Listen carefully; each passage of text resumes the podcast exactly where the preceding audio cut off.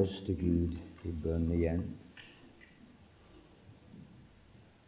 Takk, Herre,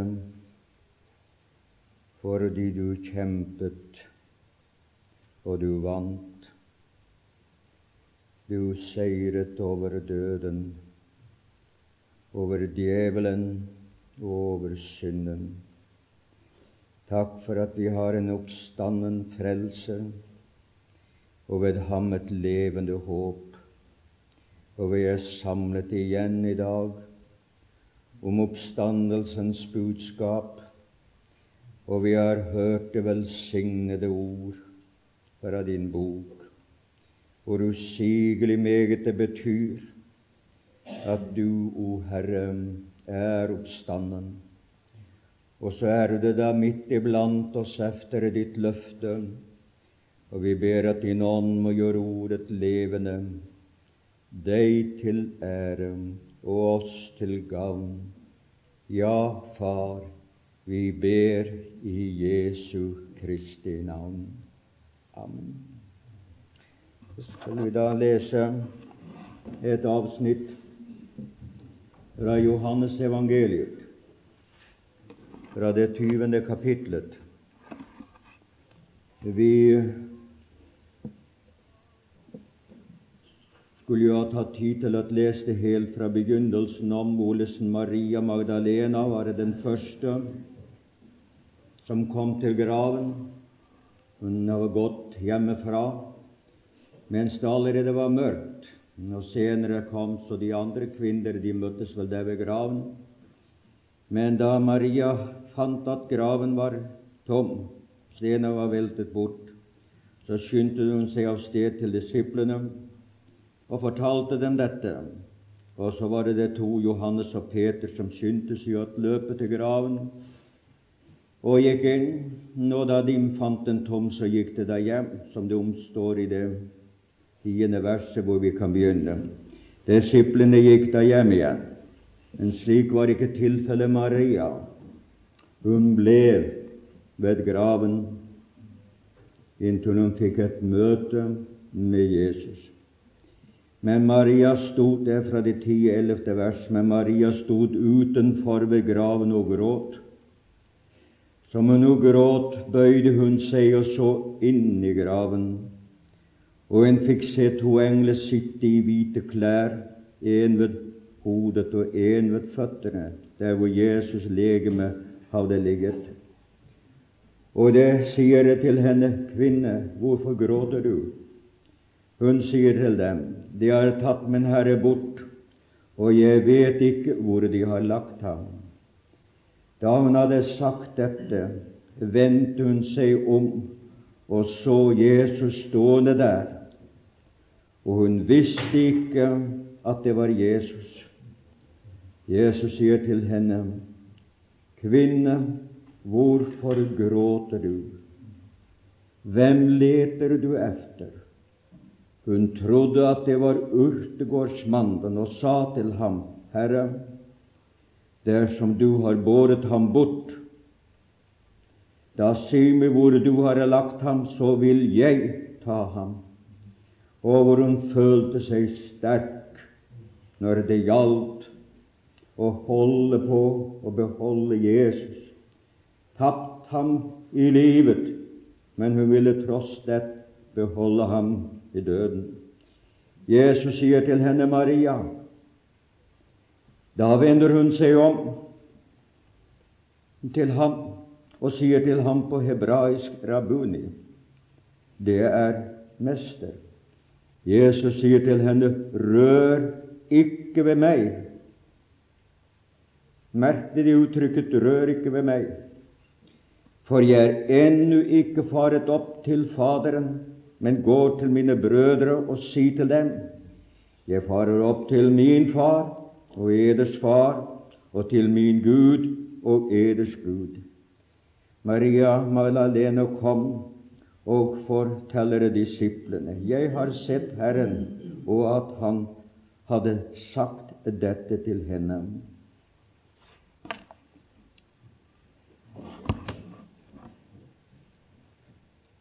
Et møte med den oppstandende Det er vårt tema i dag. Ja, et herlig møte. I de 40 dagene som Jesus var her på jorden efter sin oppstandelse, åpenbarte han seg mange, mange ganger. Og det er kalt hans teofanis, hans guddommelige åpenbarelser. Og hver enkelt av dem har en spesiell sannhet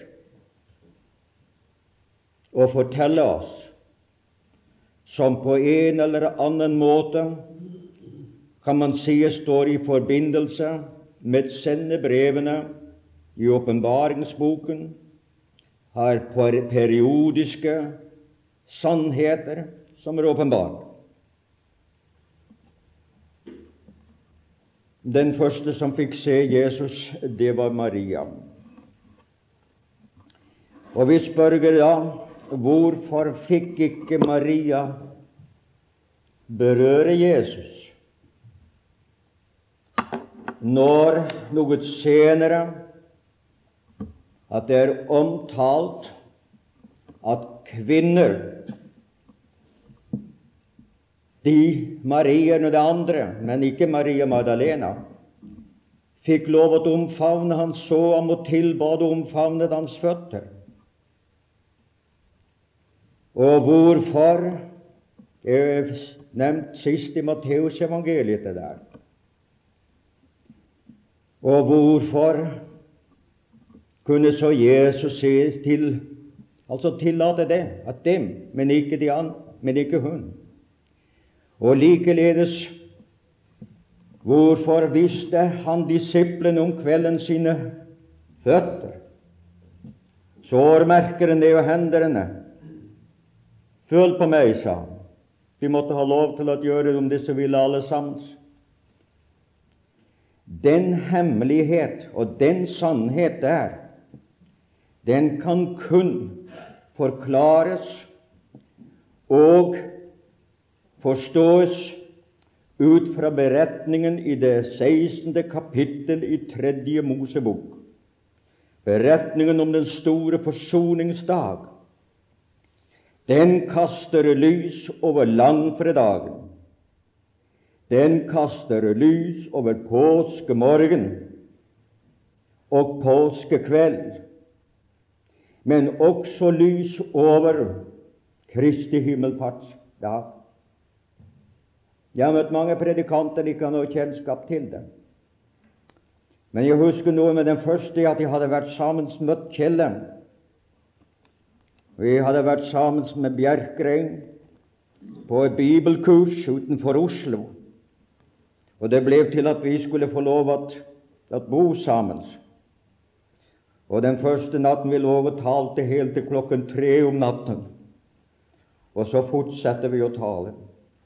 Blant andre ting han spurte, jeg svarte, og jeg spurte, og han svarte. Så svarer kan du si meg hvor mange ganger gikk Jesus inn i det aller helligste på forsoningsdagen? De fleste vil si én gang. Ifølge hebreerbrevet. han gikk én gang inn i helligdommen. Nå må jeg tenke. Så sa han tre ganger. Ja, sa jeg. Og det er noen som sier fire ganger, men det er feil. Tre ganger. Og disse tre gangene som han inngikk, kaster lys over just det som skjedde. For det med Det gamle testamentet som det nye til, det er koblet sammen. Og skal du ha lys over det nye, må du finne henvisningen til det i det gamle. Da ypperste presten på forsoningsdagen Bare kort Jeg har talt over det her det andre gangen jeg var her, men det er jo en del år siden nå, så det kan hende noen har glemt det. Men jeg berørte ved det sted da også, men jeg skal gjenta det. Da før han skulle det første ting som han fikk høre av Herren, det var at han måtte ikke til hvilken som helst tid gå inn i det aller helligste. Og han måtte ikke gå inn uten røkelse. Det første som ypperste presten gjorde der, det var at han gikk inn. Han gikk fra brennofferalteret.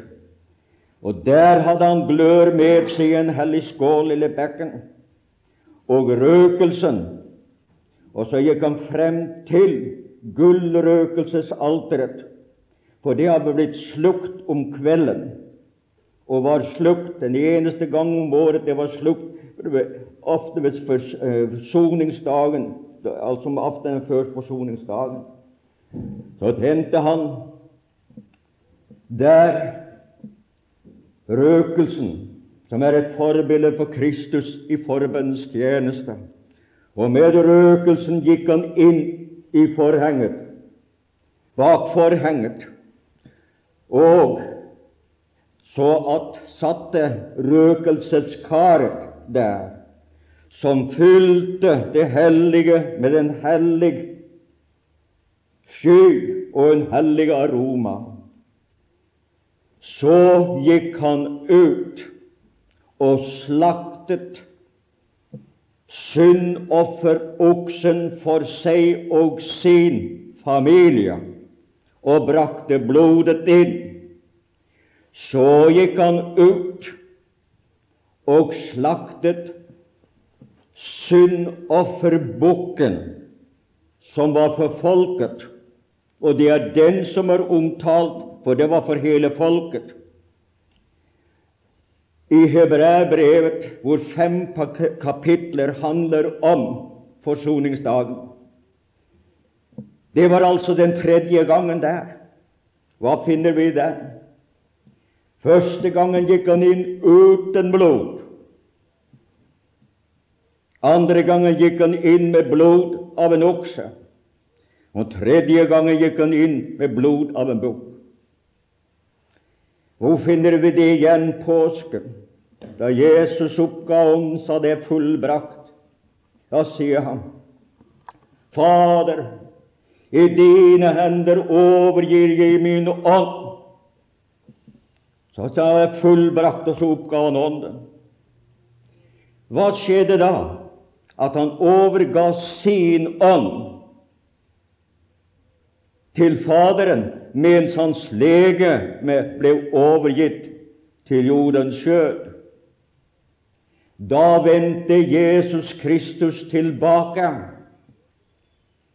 på samme måte som han kom fra himmelen, for han kom som ånd og fikk et legeme ved unnfangelsen. Et legeme lavt ute for meg. Da vendte han tilbake og var hos Faderen, han som var ordet i Guds munn da alt ble skapt.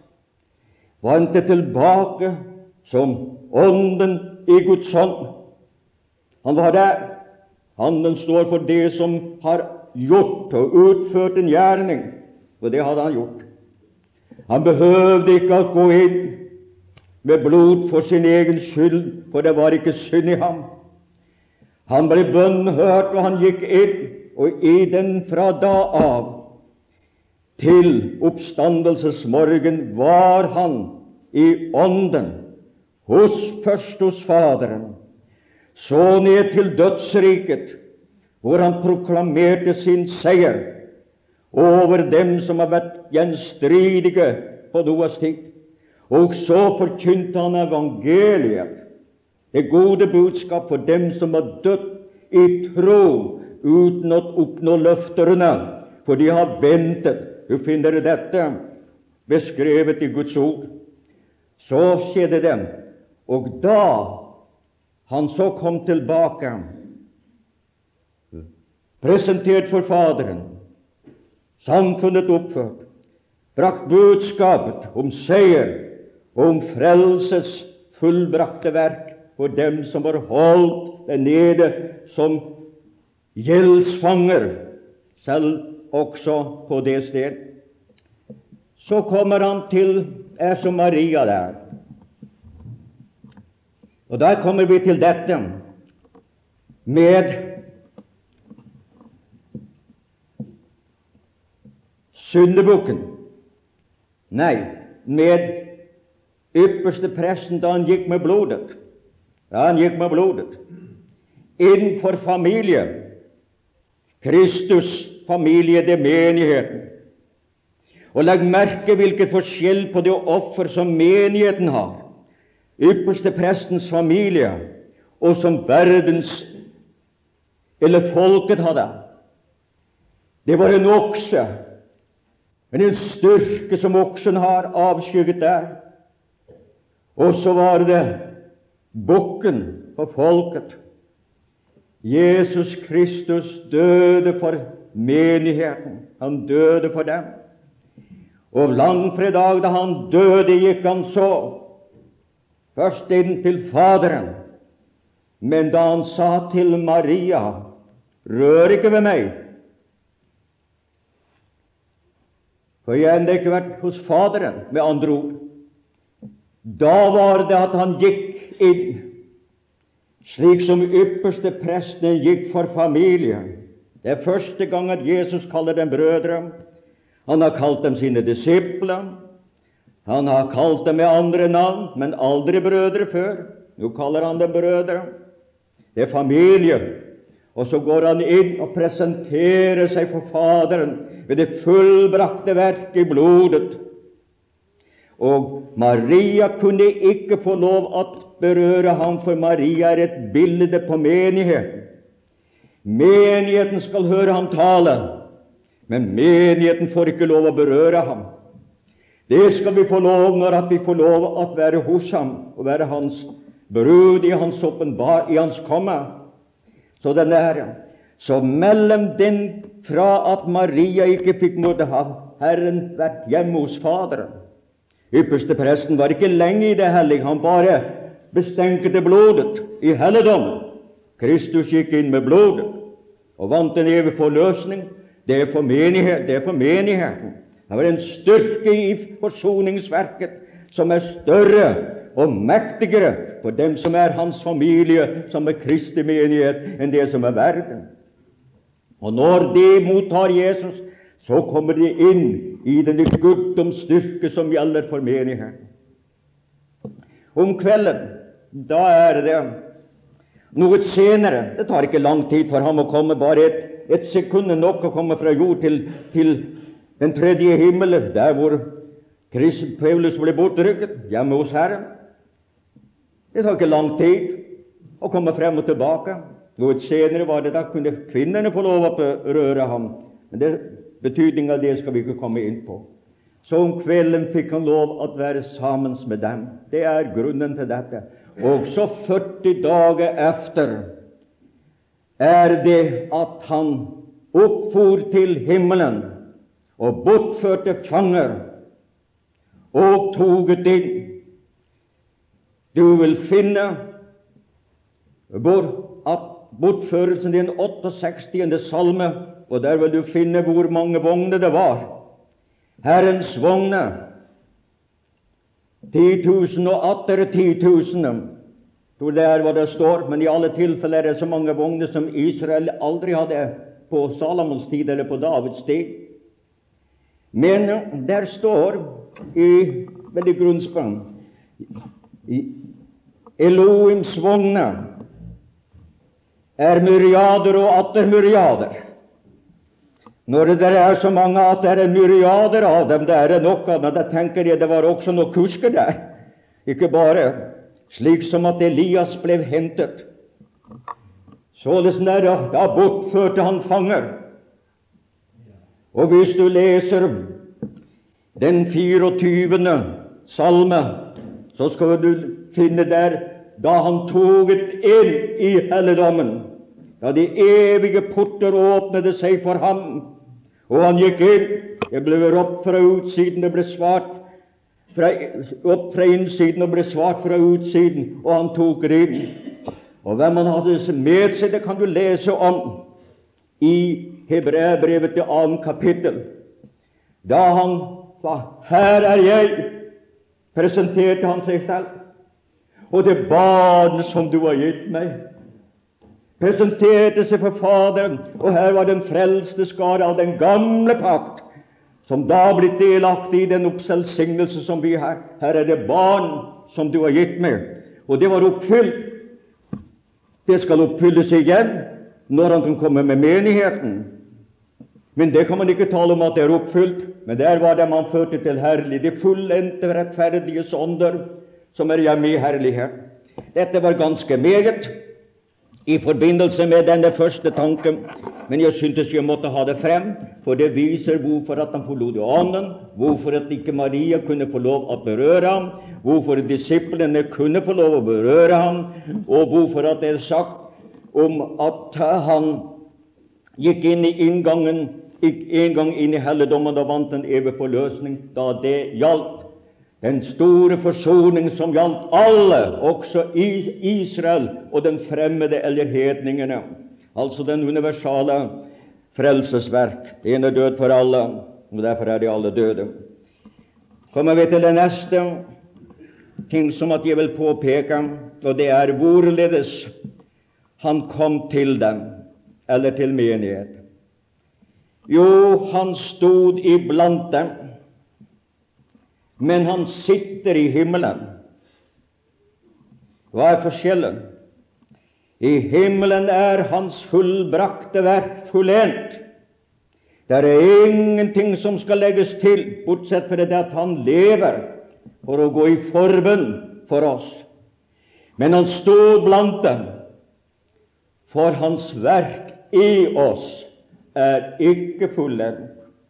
Vi er ikke fullkomne. Vi er ikke syndefrie. Vi må stadig vekk mettes. Vi må stadig vekk Ting må fjernes, renses i blodet. Vi må stadig beskue. Den stadig vil Han ha kontakt med oss. Frelsesverket i oss er først fullendt når vi blir forvandlet og blir han lekt så sjel og ånd. Menneskeånden er blitt en ny skapning i Kristus Jesus har fått det evige livet. Men på grunn av vår kjød og vår ufullkommenhet så er det stadig vekk vi må være under Hans kontroll, under Hans makt, under Hans innflytelse, under Ånden. Så vi lytter til Ånden, bøyer oss for Åndens tale, vandrer i Ånden, lever i Ånden og bærer Åndens verk. Han har meget han vil gjøre med oss hele tiden. Så trenger vi Hans inngripen i vårt liv. Han stod blant dem. Han sitter i herlighet. Han stod som sentrumsmannen blant dem. Og han er midtpunktet. Han er midtpunktet i menigheten. Og han, hvis han stilte seg i periferien i, i, huset der, på øvre salen, så var det jo noen som sto der nærmere. Men da han stilte seg midt i dem, midt iblant dem, da var han dem alle sammen slike nær. Ja, velsignede Frelser, han vil være deg nær, og han vil være meg nær. Han vil være oss like nær. Når det gjelder kallset og oppgavene, så er det forskjell. Men når det gjelder kjærligheten og forsoningen og stillingen i nåden, så er det den samme. Han er oss like nær. Sentrumsmannen. Og vi må ha ham i sentrum.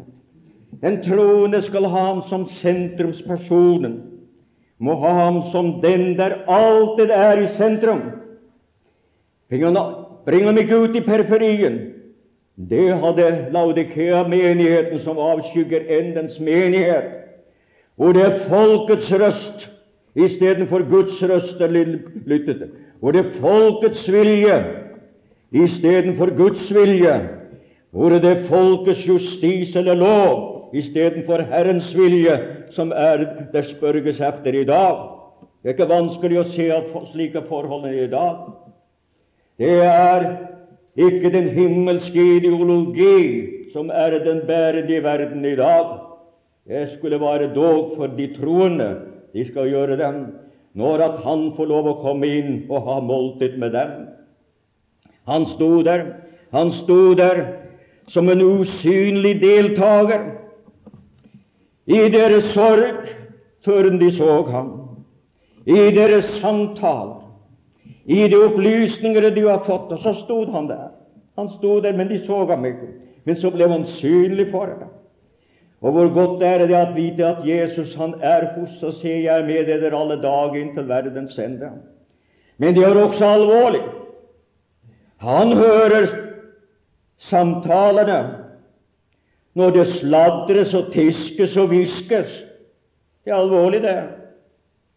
Når det blir gjort noen ting som ikke er efter hans vilje. Han er der. Mon tror man ikke er der med sorg? For da har vi ikke satt ham i sentrum.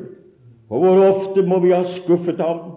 Hvor ofte må vi ha sett at han fikk for lite plass i vårt liv, slik at han fikk råd over tanker og råd over handlinger og råd over vår ferd, slik at vi var Kristus preget, og menneskene kunne se at vi har vært iblant ham, vært hos ham. Det er jo der hvor vi har vår oppgave. Hvis ikke det var var bare dette å få frelst vår sjel, så ville han ha kunnet tatt oss til himmelen, til herlighet, med det samme vi var frelste på sluttedag. da. Men ser du, han har han har ikke englene som skal gå hans med det salige bud. Det har han deg og meg. Du som sitter på benken her, du skal forkynne hans dyder, som kalte deg fra mørket til sitt underfulle lys. I så henseende er vi alle sammen et evangelium. På engelsk sier man the gospel according to Matthew, the gospel according to Mark, the gospel according to Luke, and the gospel according to John, and the gospel according to you. Ja, altså du er evangeliet, evangeliet etter deg. Du er et evangelium. Du skal forkynne ham. Innskrivet på hjertets skjøtfaller, et levende brev, kjent og lest av alle. For det må være hans sorg, om så er at vi så altfor lite er et levende brev som i ferd og handel og vandel viser oss som kristne. Det er ikke bare dette å være søndagskristne. Vi skal være like kristne mandag, tirsdag og onsdag og torsdag og fredag og lørdag. Hele uken skal være en høytid med Jesus Kristus. Vi skal ha med oss på søndag, vi skal ha med oss hele uken. Det er det lykkeligste liv, det er det sanne liv, det er slik som Gud vil jeg skal ha det. Ledet av Ånden, åpenbaret av Ånden og fylt av Ånden. Og han sto der for å åpenbare seg. Og da er det viktig dette, og hva vil han åpenbare? Hva var det han åpenbarte for dem? Det var sårene.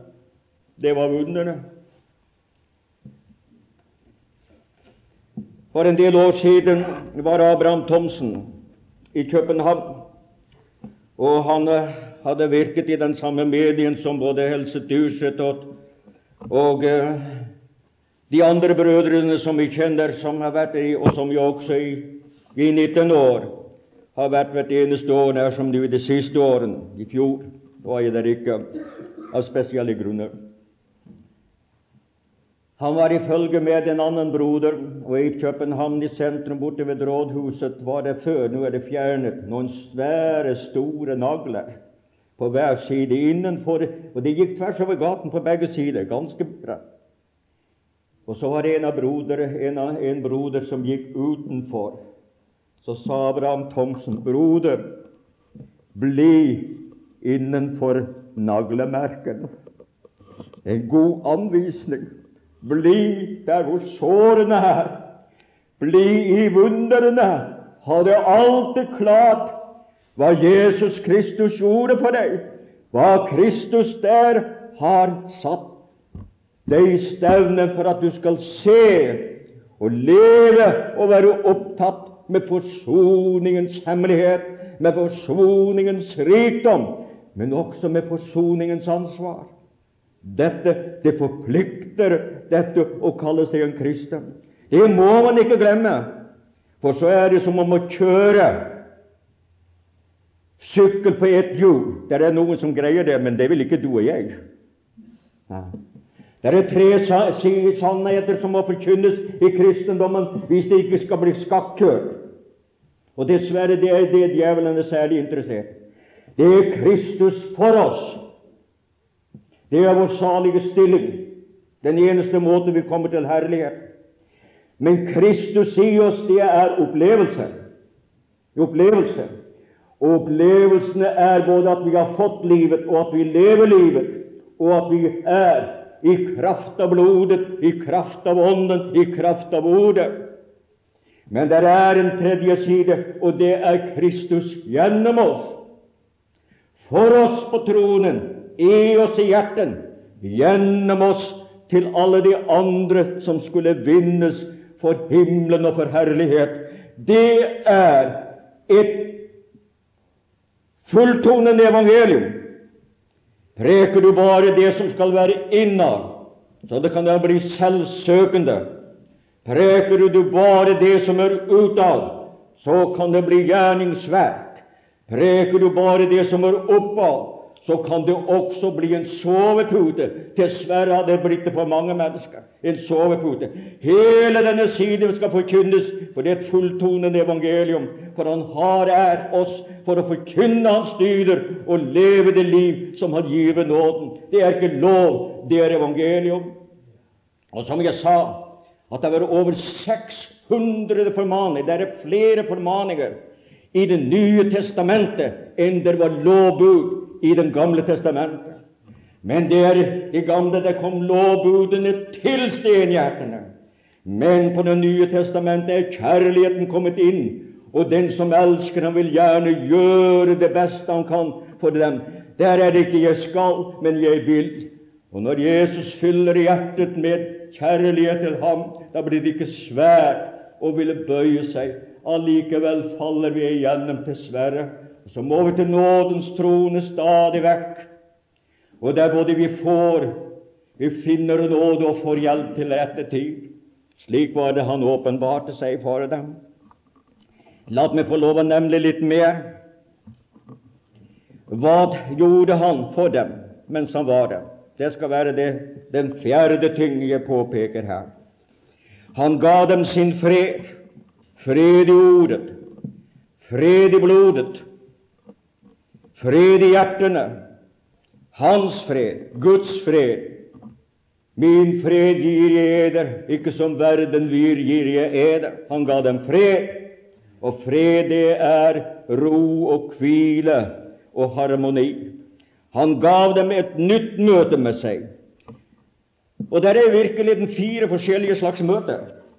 Det er mange ting jeg må ta frem her i dag. Og uh, det skulle vel være plass på en, på en annen påskedag. Det er fire slags møter.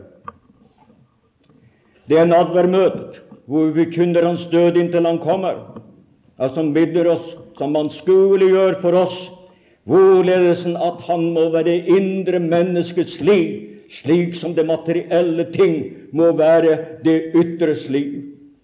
Så er det bønnemøtene. Vi holdt fast ved bønnene.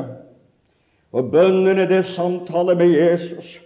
Og hvilken kraft er det i bønne når Guds barn samles om bønn? Og det er de møter som forsømmes. Hvor få er det som går til bønnemøte?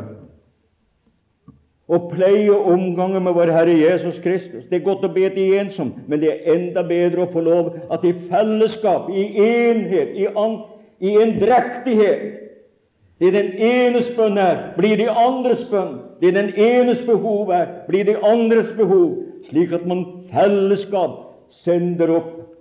Man kan nok røre en klokke ved en liten, tynn streng. Men man har man et rep i klokken, kirkeklokken f.eks., da kan man trekke i med all makt.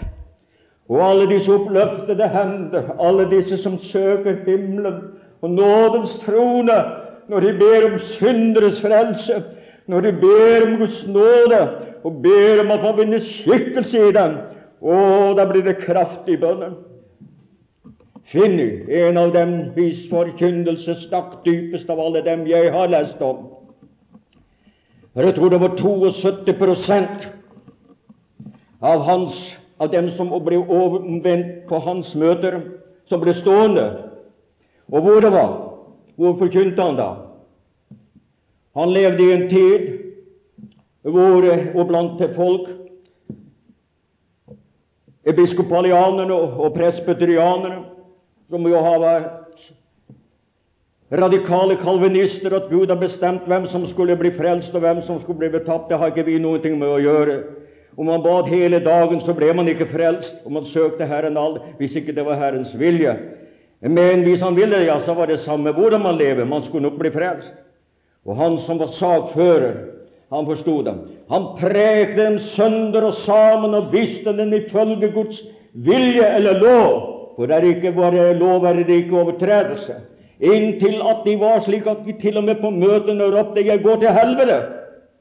Og når han har fått dem til å se seg som syndere, og det må folk se Når han har fått dem se dem som syndere, begynte han preke evangeliet. For det er det, syke, det er det syke som trenger legedom. Da trengte de det gode budskap. Det er frelse, for deg, jo synder. Men jeg har sett så mange mennesker som går leende opp til bønnealteret og går leende derfra, så varer det 14 dager eller tre uker. Det var ikke bedrøvelse efter Gud som virket omvendelse, som ikke fortrydes, men det var den og hin som gikk, og så fulgte det med. Det var verdens bedrøvelse. Og så sa det ja, det er ingenting i kristendom. De har aldri hatt noe av det.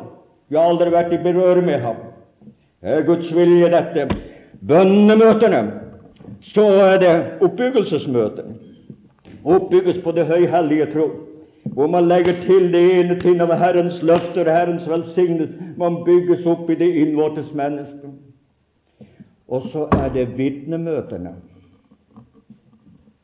Vitnemøtene det er en meget viktig side, ellers så får man en taus menighet en metodistprest da jeg stod som forstander i Rasiniskom og flyttet derfra til Syd-Dakota. Jeg preker vel litt for lenge i dag, men eh, jeg er da fri. Men jeg må ta det med, for det er dype sannheter. Han var en mange, Den gangen var det mange rasjonalister. Han, sa det at det var ikke den gangen at det var ikke en eneste biskop i metodistkirken i Amerika som var bibeltro. Og han blåste dem alle sammen en lang marsj og gjorde akkurat som han ville. Han har en menighet på 3000 medlemmer. Så kom han opp til, så ble jeg forflyttet opp til Sydakota, Arlington i Syd-Dakota som forstander, og han kom til nabobyen. Og så var jeg og hørte ham, og da fikk jeg høre dette. Den, da, den presten som kom, hadde vært før ham det var en levende menighet, men det kom en rasjonast, da den kom, da var det en bedende menighet. Men da denne her presten kom, da var det en død menighet som kom, men det var ikke noe. Og så forkynte han evangeliet, og så forkynte oss sjeler begynte å frelses. Og så ble det vitnemøte, så ble det bønnemøte, så ble det liv igjen. Og det er Guds vilje at barna skal få lov til å åpne munnen at de skal fortelle hva han har gjort for dem. Det er meget viktig. Nå kan det jo bli slik at man blir prekesjuk. Det er jo den andre siden av saken. Men det er en side hvor det er nødvendig med det. For et sunt, avbalansert kristent liv. Ja, jeg får ta noe mer med.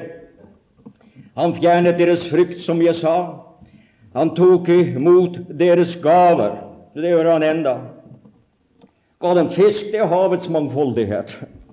Og gav dem hånden, det gjorde sødd med. Han tok begge deler. Og du, du kan få lov å gi ditt beste til ham. Det var det. Vi kan få lov å utøse vårt hjerte. Vi kan få lov å gi ham det så alene at ikke vårt liv er gitt ham. Ikke alene våre evner er gitt ham, men også våre midler er gitt til ham. Jeg tror det er en meget sunn måte å, å, å gi tiende til Guds sak, ikke som lov. Abraham og Isak og Jakob de ga tiende i tro. Israel ga tiende av tvang. Jesu Kristi menighet må ha lov til å gi tiende av kjærlighet, og så meget mer de vil. De behøver ikke å stoppe der, men de kan få lov å gjøre det av kjærligheten. Der er det ting i det. Jeg pleier alltid å gjøre det jeg ble opplært. Jeg får ta det. er så mange ting jeg skulle ha sagt i dag. Jeg vet ikke hvorfor. Jeg nesten føler meg som jeg snakker salig i dag. Og du får lov å høre på det. Da Da jeg ble frelst i Ratsin Nei, det var nok i Rasin, det var jeg som forstander. I um, Waukegan i Illinois. Han som ledet med Kristus, så sa han til meg Nå har du levet ditt unge liv for djevelen, og du har ofret alt på hans alter. Nå har du gitt ditt hjerte til Jesus. Nå skal du huske på det at det minste du skal gi Vår Herre, det er tiende, fordi Han har jo elsket ikke for å bli frelst, men fordi du er en frelst. Du skal gi deg av kjærlighet til Ham. Og jeg ga det i mange år, og så sluttet jeg å gjøre det. Og så hadde jeg en del penger stående i banken. Nå kan hende en del av meg det var tiendepenger. Og så gikk banken konk. Så tapte jeg hele greiene. Så tenkte jeg talte over Herren. Der ser du det. Det er ikke klokt å snyte vår Herre. Du skal, ja, så begynte jeg på igjen, og så skrev jeg en bok om det. Den er utsolgt. Det siste var det var stedet. Den siste det ga jeg til evangelisten. De skulle få lov å gi den ut gratis til hvem som helst. Ja, det var et sidesprang. Gi.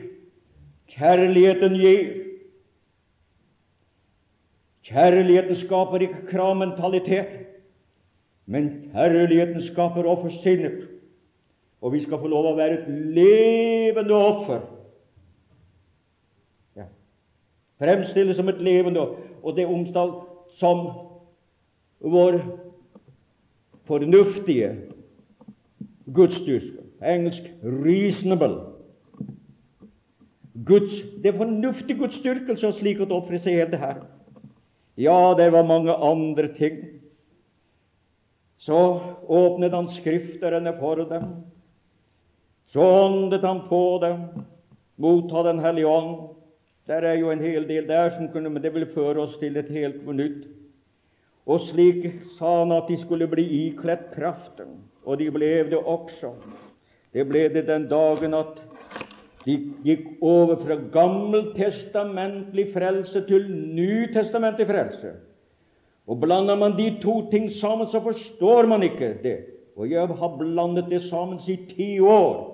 Og da det ble borte for meg, da var det som at det skalv fjell fra mine øyne.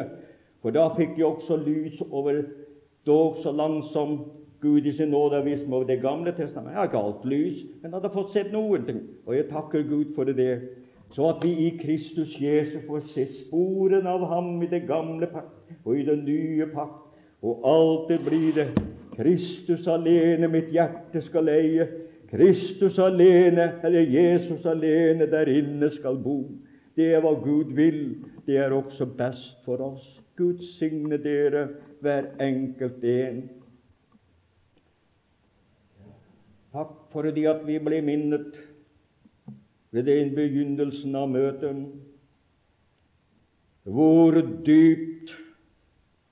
Ditt frelsesverk og din oppstandelse virker, hvor høyt dens makt og innflytelse når, hvor lenge det gjelder. Ja, takk at du har gitt oss, Herre, en oppstanden frelser, og du møtte dine da, og du møter dine nå i ordet, i bønnen, i samværet, i nadvær. Du møter dine. Og takk for hvert et møte vi har hatt med deg, hvor at det stillet stormen, oppbygget livet og gjorde oss lykkelige og glade i troen, så vi kunne få lov å gå ut og fortelle om dine dyder. For våre egne det var ingenting tess. Takk derfor, o Gud, for alt i Jesu fullbrakte frelsesverk. Amen.